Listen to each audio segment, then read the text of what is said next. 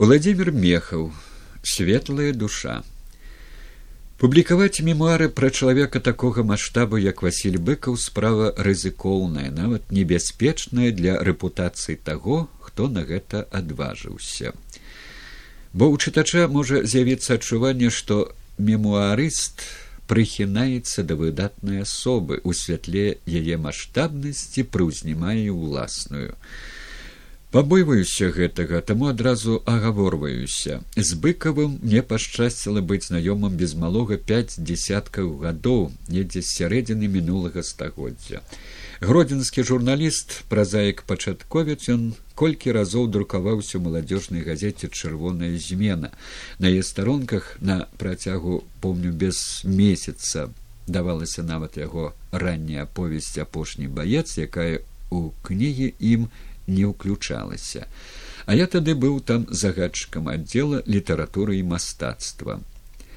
Паколькі такім чынам былі мы даўнімі знаёмымі стаўшы знакамітым ён адгукаўся на мае просьбы скажем пра дыялог перад мікрафонам рэспубліканскага радыё дзе таксама досыць доўга папрацаваў або пра інтэрв'ю для маскоўскай газеты рэдакцыі якой попрасіла мяне аб гэтым. Магу прыгадаць і дастаткова стасункаў не спрычыненых дзелавой патрэбай. І быў ён заўсёды па таварыску шчыры адкрыты. Але сказаным я ні ў якім разе не записываю сябе ў блізкія сябры василя владимировича. Просто і адзін з тых каму пашчасціла на знаёмства з ім за гэтай ж нататкі бяруся таму што магу і хачу дадаць да шмат фарбавага з любоўю напісанага партрэта які вымалюецца з успамінаў пра яго многіх і многіх. Штрыхі факты вядомыя мне больш чым каму іншаму а некаторыя аднаму мне. У калектыўнай кнізе роздуму аб пісьменніку і чалавеку василю быкаве думаецца да места будзе і колькі старонак пра тое як гідзіўся ён чыстай светлай душа барыды антысемітызму У свой час шырокі рэзананс выклікала выяўленая ім высакародная пазіцыя ў абарону годнай памяці сусветна славутага марка шагала. Добра памятаю і першы дазволены ўладамі 9 мая 1989 года мітынг на горасным пятачку. Ён завецца мінчукамі ямай, дзе ў чорную пару гаспадарання ў горадзе гітлераўцаў закапаны пять тысяч ахвяраў аднаго з люцейшых пагромаў у створаным акупантамі гета.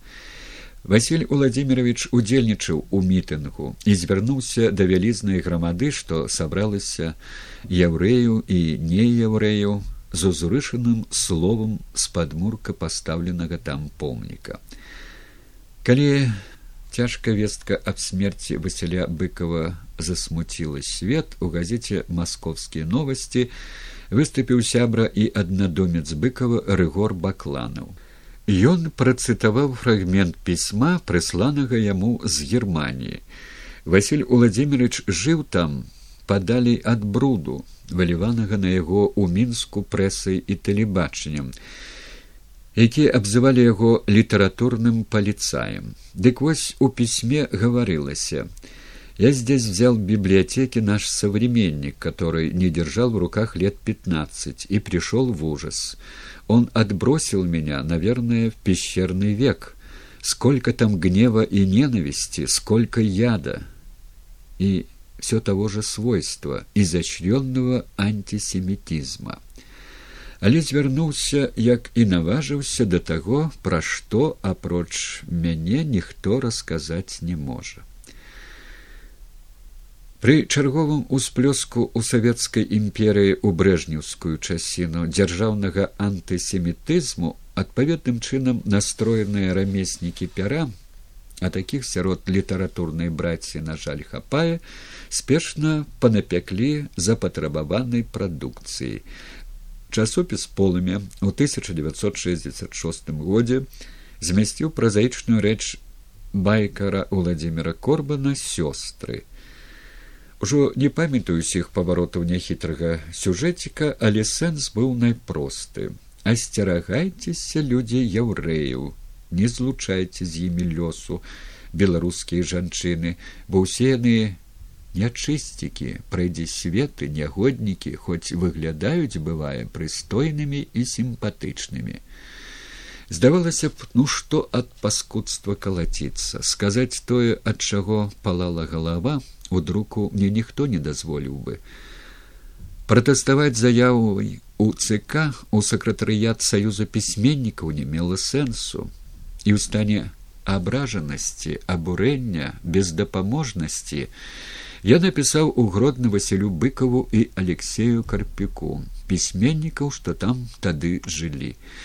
Абодвух высока цаніў абодвух ведаў як чыстых прынцыповых у вышэйшай ступені прыстойных людзей. Праз некалькі тыдняў атрымаў ад быкава адказ. Володя дарагі сябра добрый дзень ад сваіх уласных спраў і клопаты ўсё не меў часу зрабіць тое што павінен быў для цябе.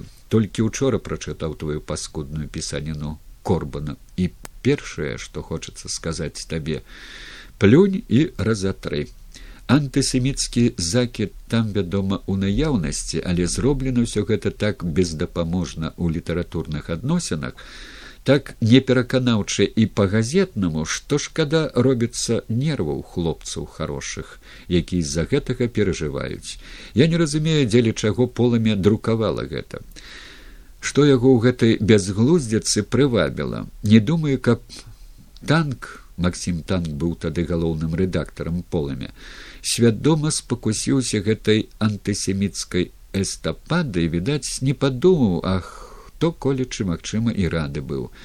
Гэтага не бракуе пакуль што ў наш час. Вось такая моя думка як падзяляе яе і алексей. Праўда пры выпадку дзе-небудзь аб усім гэтым варта пагаварыць але не дужа хвалюючыся. Для вялікага хвалявання падстаў яшчэ будзе багата. Твой василь неўзабаве набыкова абрынулася анафема за аповесць мёртвым не баліць і чытаючы крытычныя артыкулы што мелі форму пракурорскіх абвінавачванняў я прыгадваў з пісьма. Для вялікага хвалявання падстаў яшчэ будзе багата яшчэ адно вартае по мойму успаміну. Быкаў любіў адчуваў тонка разумеў выяўленчае мастацтва. З малалецтва меў да гэтага віду творчасці здольнасці. Юнаком марыў стаць мастаком. Быў прыняты ў віцебскае мастацкае вучылішча ды правучыўся нядоўга. Навучэнцам перасталі выплочваць стыпендыю а бацькам васіля калгаснікам утрымліваць сына студэнта было не пад сілу.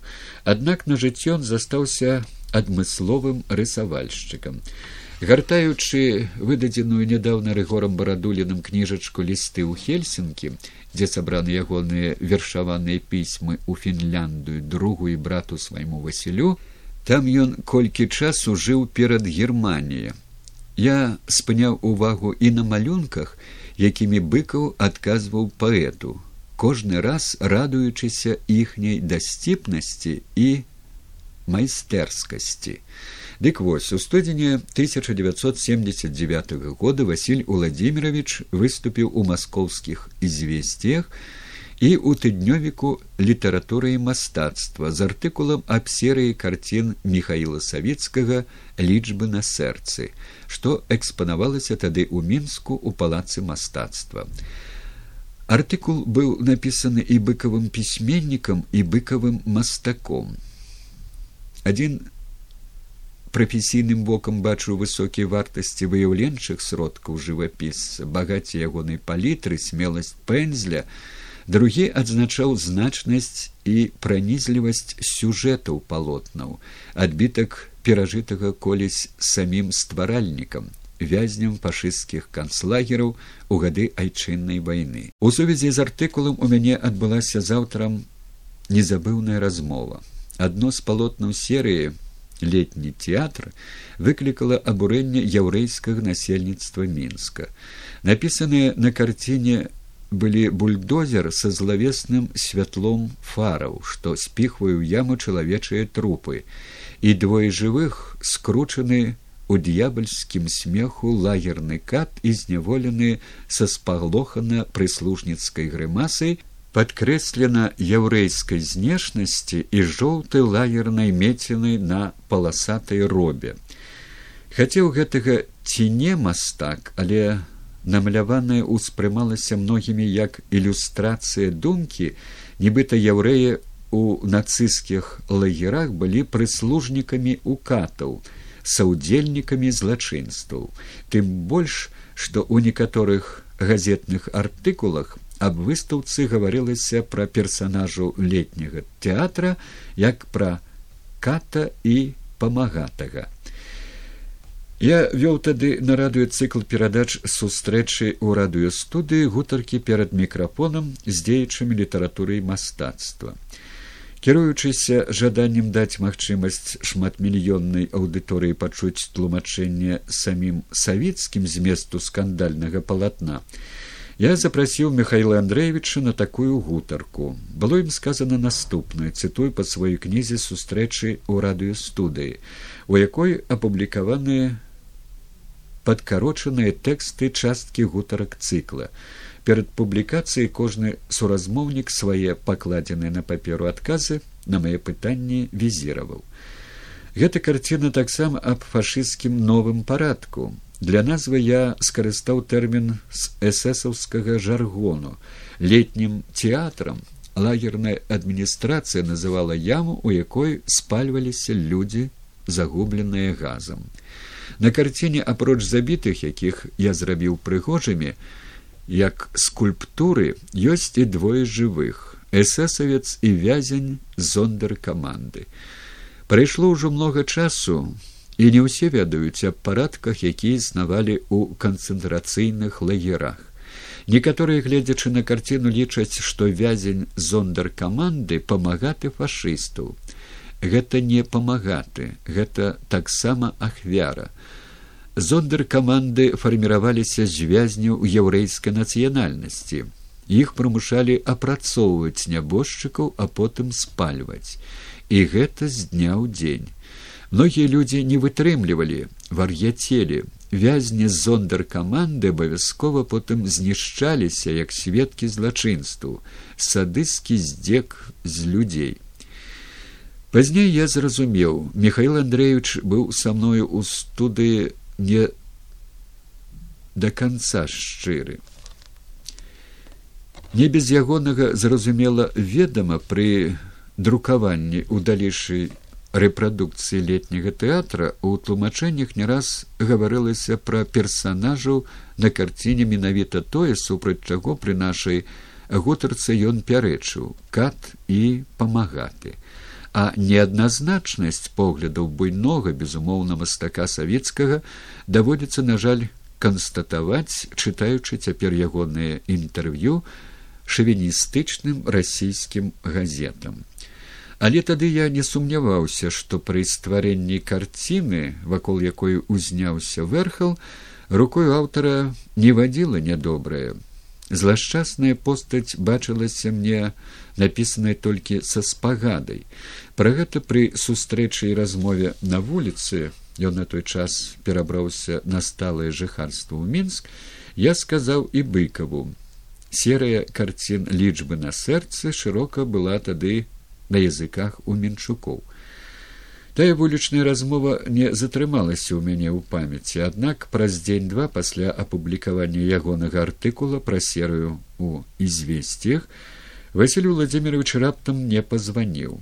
Паколькі крыху раней я запісаў гутарку з ім перад мікрафонам, з той гутаркі і пачаўся цыкл маіх перадач сустрэчы ў радыёстудыі. Я палічыў, што ён хоча даведацца, калі гутарка прагучыць у эфіры. Пачаў пра гэта нешта гаварыць, але Васіль владимирович спыніў мяне, сказаў, што лёсам перадачы не дужа заклапочаны. Усё яшчэ не ведаючы, чаму ён звоніць, я сказаў, што прачытаў артыкул у ізвесціях, што я как усё ім напісаны артыкул варты самай высокай ацэнкі. А ў адказ чую нечаканае. Цябе артыкул не пакрыўдзіў? Не разумеючы перапытваю пакрыўдзіў мяне? Ты ж разумееш пра што гаворка. І расказаў, што атрымаў у сувязі з артыкулам ад чалавека, якога паважае. Імя не назваў, але потым я даведаўся ад мастака Барыса Заборова, дакорлівае пісьмо. Яшчэ сказаў, што пісаў артыкул, за які вось яго папракаюць, памятаючы нашу з ім вулічную размову. І напомніў, што я назваў серыю лічбы на сэрцы вельмі значнай з'явай у мастацтве, што спакойна гаварыў і пра летні тэатр. Для мяне яўрэй на карціне быў звар'яцелай ахвярай, а не памагатым ката. Яшчэ заўважыў, што летні тэатр у артыкуле не тое ж, што не разглядаецца, нават не ўспамінаецца, і што ён гаварыў савецкаму, што не варта было падкрэсліваць яўрэйства аднаго з персанажаў карціны. Мы размаўлялі доўга. Савецкім быкаў тады таварышаваў і ведаў, што яму прыходзіць шмат непрыемных пісьмаў. Ведаў таксама, што ліберальны сакратар рэспубліканскага ЦК партыі па ідэалогіі Кузьмін, занепакоены скандалам вакол карціны, раю мастаку зняць зробы трупа закапвальніка жоўтую меціну. Ды той адмовіўся, маўляў, парушылася б колерная гармонія. У падзеях наступных дзесяцігоддзяў таварышаванне паміж імі сышло на нішто. У апошняй сваёй кнізе доўгая дарога дадому, дзе падрахоўвае і асэнсоўвае пражытае, Васіль Владимирович толькі ў сувязі з гэтым і згадвае савіцкага. Некалі абодва былі неслухамі, уцякалі з нудных пасяджэнняў вярхоўнага савета бСр, на якіх абавязаны былі прысутнічаць як дэпутаты. Але цытую: Пройдзе трохі гадоў і савецкі рэзка зменіць свае адносіны да нязменнага па сутнасці рэжыму зробіцца ягоным апалагетам. Ці трэба казаць, як я быў усхваляваны званком і размовай ніколі такога не рабіў а тым разам як толькі паклаў трубку падрабязна занатаваў змест размовы. І трэцяе на гэтую ж тэму так атрымалася што вестка аб выхадзе трапятліва чаканай маёй жонкай ганнай краснапёркай яе кніжкі пісьмы маёй памяці прыйшла да нас з дому быкова кніжка была пра жах мінскага гета за дротам якога аня апынулася зусім юнай. Кніжка што зрабіла яе імя вядомым і была перакладзена на яўрэйскую рускую нямецкую мовы з москвы тады ў 1984 прыехала тэлевізійная брыгада здымаць матэрыял для тэленараса пра васіля владимировича Прачуўшы пра гэта літаратурная рэдакцыя маскоўскай грады захацела, каб і для яе ў мінску заадно запісалі гутарку з папулярным пісьменнікам. З Масквы патэлефанавалі кіраўніцтву дзяржтэлераду Беларусі і мне даручылі перагаварыць з быкавым, на які час падрыхтаваць студыю для запісу. Папярэдне аб гэтым гаварэнні перад мікрафонам дамоўлена не было, і быкаў адмовіўся. Але я пра іншае телефонную трубку калі я пазваніў узяла ірына михайловна жонка василя владимировича зірай суворавай якая стала праз гады быкавай мы ў блізкі перыяд вучыліся на факультэце тады яшчэ аддзяленні журналістыкі беларускага універсітэта. І павітаўшыся яна мне сказала учора купила кнігу ані прачытала ўжо под моцным уражаннем. Я палічыў, што кажа яна пра кніжку Ганны Сузор'е, зборнік апавяданняў, што выйшаў на некалькі гадоў раней апавяданняў, падказаных ёй успамінамі аб пасля етаўскай партызанскай пары жыцця. Здзівіўся, што кніжка даўно у продажы небачная, аднекуль вынырнула на прылавак. Не не, запярэчыла Ірына, то кніга пра гета невялічкая такая у чорнай вокладцы. Дзе ты купила закрыўся я. Мы ж яе яшчэ не бачылі у цэнтральнай кнігарні на праспекце учора рвануў магазин марна кніжкі ўжо не было толькі дні праз два нам з цяжкасцю ўдалося набыць некалькі экземпляраў Прабегла пять гадоў. Рэдакцыя часопіса дружба народов рашыла публікаваць пераклад пісьму маёй памяці. На магіле Владимира Караткевича открываецца помнік вялізны валун з ягоным імем. На могілках сабраліся пісьменнікі, мастакі, акадэмічны люд. Быка ўвесь час у шчыльным акружэнні. Бачыць мяне падыходзіць, добра, што сустрэў цябе збіраўся сёння заўтра званіць з дружбы народов мяне попрасілі напісаць уступчык да анінай рэчы кніжка у нас была ды у безладзе на стэлажах не магу адшукаць вася з гэткай патрэбы я гатовы ў зубах яе прынесці зразумела уступнае слово быкова да непрыдуманага спавядальнага твора пры друкаванні ў часопісе, які выходзіў тады больш як мільённым тыражом, стала для аўтаркі прадметам асаблівага гонару, а было ў ягонай маленькай прадмоўцы вялікае спагадлівае і паважлівае пачуццё. Наверное, на протяжении всех лет прошлой войны фашисты отчаянно пытались в своем разбойничьем поведении совместить две трудносовместимые вещи тотальное уничтожение миллионов и максимальное извлечение из них выгоды в виде подневольного по существу рабского труда. Очевидно, по этой причине еврейское гетто в оккупированном Минске просуществовало гораздо дольше, чем в других городах Белоруссии, и агония многих тысяч евреев-минчан растянулась на долгие месяцы.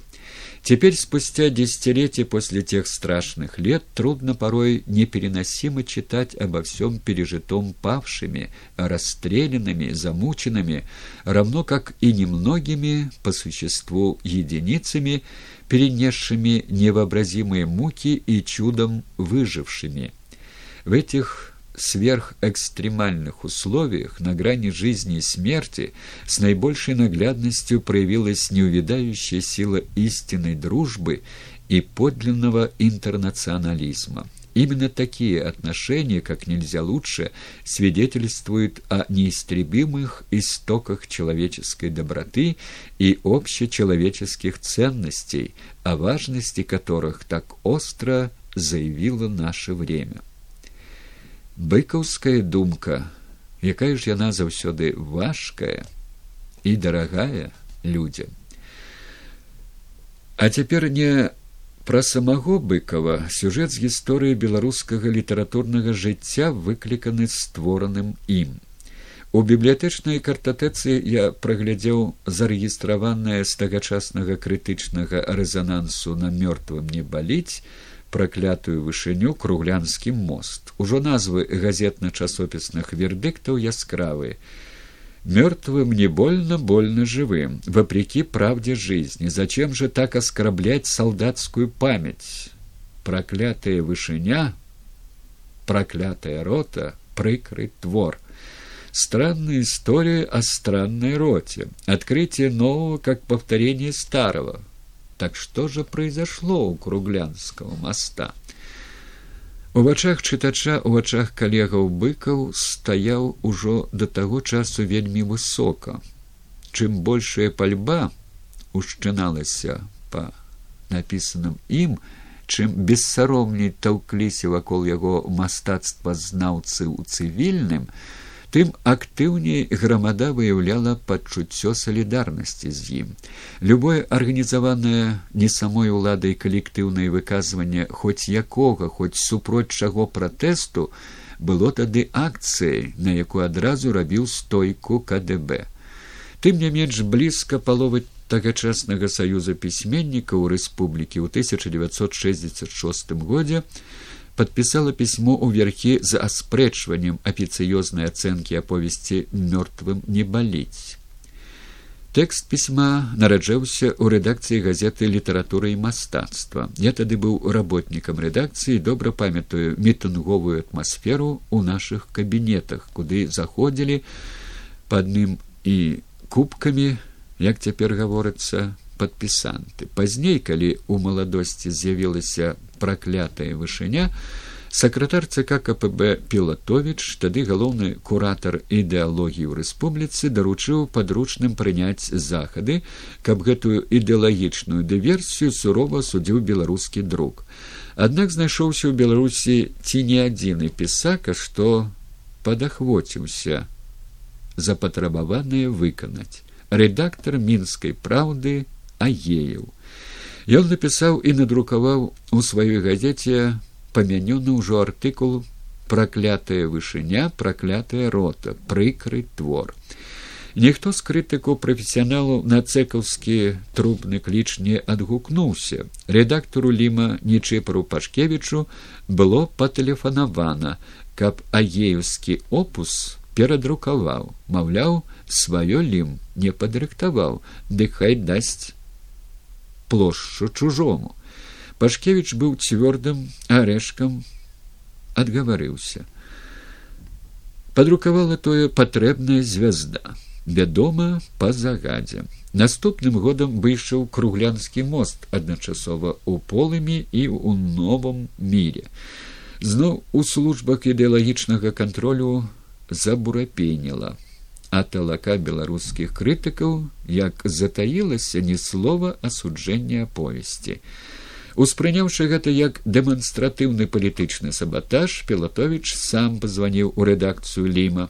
Не жадаючы слухаць спробу новага галоўнага рэдактара газеты прокшы адкруціцца, загадаў перадрукаваць з літаратурнай газеты і езуіцкі артыкул Мацяшова, так што же произошло у круглянского моста. Праз год новы мір запусціў узорны лёт сотнікова што паслужыла завязкай сюжэта, які я узнаўляю з удзелам таго ж прокшы.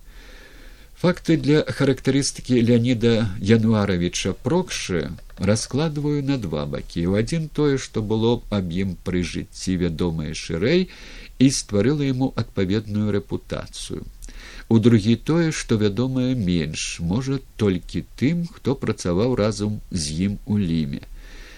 Пераведзены ён быў на лім з пасады рэдактара голасу радзімы газета гэтая для беларусаў у дыяспары найперш для эмігрантаў ваеннай хвалі уцекачоў ад пакарання за супрацоўніцтва з акупацыйным рэжымам. Часта супрацоўніцтва якое шкоды нікому не прынесла вымушанае дзеля хлеба як рэдактар той газеты ён не мог не быць не звязаным з кДб сістэме якое быў узгадаваны ён шчыра верыў верна служыў. Але чалавекам прыстойным шляхетным інтэлігентным заставаўся і пры слабасцях сваіх. Дастаткова ў жыцці пабачыўшы разумеў што ўрэшце за гэта паплаціцца але ўсё такі шанаваў справядлівасць хаця між справядлівым і несправядлівым здаралася блытаўся Чаму яго ўразіў сотнікаў? Развярэджана было ў характары чуйная на несправядлівасць у дадзеным выпадку на паказаную ў фабуле створанай быкавым несправядлівасць лёсу да чыстага душой пакутніка. Павычанае ўражанне вынікла з таго, што ўсхваляванасць трагедыі персанажа легла, на пачуццё нязгоды з бушаваннем несправядлівасці вакол самого пісьменніка. Чым тое не тлумачыць заходзячы па службовым абавязку да яго ў кабінет а заходзіць даводзілася часта я быў адказным сакратаром рэдакцыі колькі тыдняў бачыў я галоўнага за адным заняткам зазіраючы ў разгорнуты новы мір ён нешта пісаў. Часопіс разгорнуты быў на старонках сотнікава і былі яны спрэс у алоўкавых падкрэсліваннях акрэсліваннях клічніках словах паметах на палях. Чаму з новым творам беларускага пісьменніка рэдактар ліма знаёміўся ў перакладзе? Па-беларуску сотнікаў з'явіўся ў друку пазней прашу даравання ў даўно адлецелай у нябёсы душы леаніда януаравіча. Я адчуў сябе не лепшым чынам калі ўбачыў ягоны артыкул поўны захаплення аповесцю. Няхай не ставала ў артыкуле глыбіні аналізу твора, няхай не дужа вызначаўся ён выхадам думкі ў крутых віражах, але сам факт станоўчай ацэнкі новай рэчы пісьменніка, якога ўлада каторы год на дух не пераносіла, лёгка было прадбачыць, будзе ўспрыняты літаратурным і не толькі літаратурным асяроддзям, жаданым выбухам дадасць ліму павагі. Твар выдаў маю ўзрушанасць. Леаніда Януаравіча гэта збянтэжыла. Чалавек ён быў, паўтараю, далікатны і сціплы. За безагляднага смеляку выдаваць сябе не жадаючы, ён сказаў, як у апраўданне. Ходзіць чутка сотнікаў спадабаўся суславу. Суслав быў тады галоўным у ССР ідэолагам. Па сакратарску я натуральна спытаў, калі артыху паставім у нумар у той што макетую ці ў наступны рэдактор паглядзеў мне падалося здзіўлена нібы тое што напісаў друкаваць не збіраўся. Падаўся эмацыйнаму парыву арганізаваў нешта стройнае сваё чытацкае ўражанне і кропка. Думаеце няўпэўнена пачаў я і не закончыў сам сябе перабіў. Не не я яшчэ папрацую падшліфую. Ды сям там і паказаць варта параіцца я сцепануў плячыма гаспадарова воля. Леонид январович забраў машынапіс прабег вачыма пару старонак няўпэўнена прамовіў зноў можа наогул не спяшацца пачакаць што скажа москва я не ўтрымаўся копейка тады будзе цана і вашаму артыкулу і ліму ён уздыхнуў згадзіўся так вядома так сям там што значыла зразумела ў цк напісаны ён паказаў надалёка не адкладаючы перад тым у машынапісе што даваў мне чытаць нешта выкрасліў нешта у яго дадаў вярнуўся з паказу настройнай бадзёра. Отправляйте владимир львович у набор. Два человеки прогледзели не забаранілі. Ты сказали редактор ты і мазгуй я хуценька тое на што атрымаў добро выканаў. Двадцать восьм жніўня тысяча девятьсот семидесят года лім выйшаў сенсацыйным артыкулам леонида прокшы праўда партызана сотнікова першым друкаваным водгукам на твор якому наканаваны было абляцець свет. Вакол нашага шэфа не замарудзіла загрымець блізкая навальніца. На пасяджэнні калегі міністэрства культуры членам якой прокша мусіў быць на па пасадзе лім тады быў органам і гэтага міністэрства. Порсткі малады намеснік міністра прачуўшы трэба думаць што над пышна кучаравай галавой лімаўскага галоўнага збіраюцца хмары дазволіў сабе яго чалавека ўдвая старэйшага падкалоць. Пакуль вы яшчэ галоўны рэдактар леонид януарович не заўсёды бываў хуткі ў рэакцыях але тут адпарыраваў міг. Мы ўсе шаноўны на сваіх пасадах пакуль яшчэ і ўвогуле на гэтым свеце. Пачырванеўшы падколшчык попрасіў прабачэння.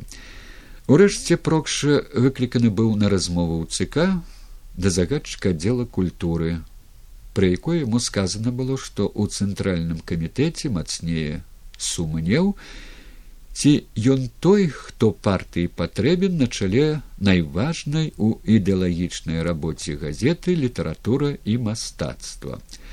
Арэха ад выбуху бомбы кацілася. Ва універсітэце бДУ цяпер жа усе былыя інстытуты універсітэты ці акадэміі. Студэнт філолагі перадавалі газету з артыкулам з рук у руки у рэдакцыю з дня ў дзень хто небудзь прыходзіў з просьбай. У вас кажуць надрукавана было добрае пра быкова дайце калі ласка прачытаць быкаў і сам леонид януарович мне адразу пра тое расказаў ці то пазваніў яму ці то зайшоў да яго з падзякай. Але ўсё гэта як не радавала аўтара артыкула нават трошки як бы палохала некіруемы прокша не быў тады ў восень тысяча девятьсот семидесят памяняны ў ліме на рэдактара кіруемага. Гэта здарылася пазней. А тады тыдні праз тры прыйшоўшы з работы дамоў я выняў з паштовай скрынкі літаратурную рассію. Тады гэта была нармальная газета не чарнасоценна шавіністычная як цяпер. Разгарнуў і кінуўся тэлефанаваць леаніду януаровичу бо ўбачыў у літаратурнай рассіі вялікую сур'ёзную вельмі зычлівую рэцэнзію на сотнікава вядомага крытыка пескунова москва нібы пацвярджала пра быкова можна пісаць і станоўча. Узрушаны леонид януарович падалося нават усхліпнуў. Владимир львович дарагі гэта не знаходжу слова сказаць что гэта такое у сотнікава пачалося шчаслівае шэсце па свеце. Паводле бібліяграфічнага даведніка аповесць перакладзена на англійскую балгарскую іспанскую італьянскую кітайскую нямецкую польскую урду французскую хіндзі мовы Праз паўгода пасля таго, як яна надрукавана была па-руску у новым міре з'явілася і па-беларуску у полымі. Героі кнігі выйшлі ды ні ў адной інсцэніроўцы на тэатральныя падмосткі. Ва уяўленні ларысы шапіцкі яны зажылі на экране. Праз нядоўгія гады задума стала выдатным фільмам, узыходжання. Але на першым часе пасля з'яўлення сотнікава незычліўцамі быкова, а іх у яго уга як хапала, карэкціроўка адносін да таго, што ім пісалася, была ўспрынята як непаразуменне, часовае адступленне ў ідэалагічнай барацьбе. У магілёве обласным тэатры я глядзеў прэм'еру па сотнікаву. Потым рэцэнзаваў яе ў ліме і сядзеў у глядзельнай зале побач з начальнікам власнога ўправлення КДБ.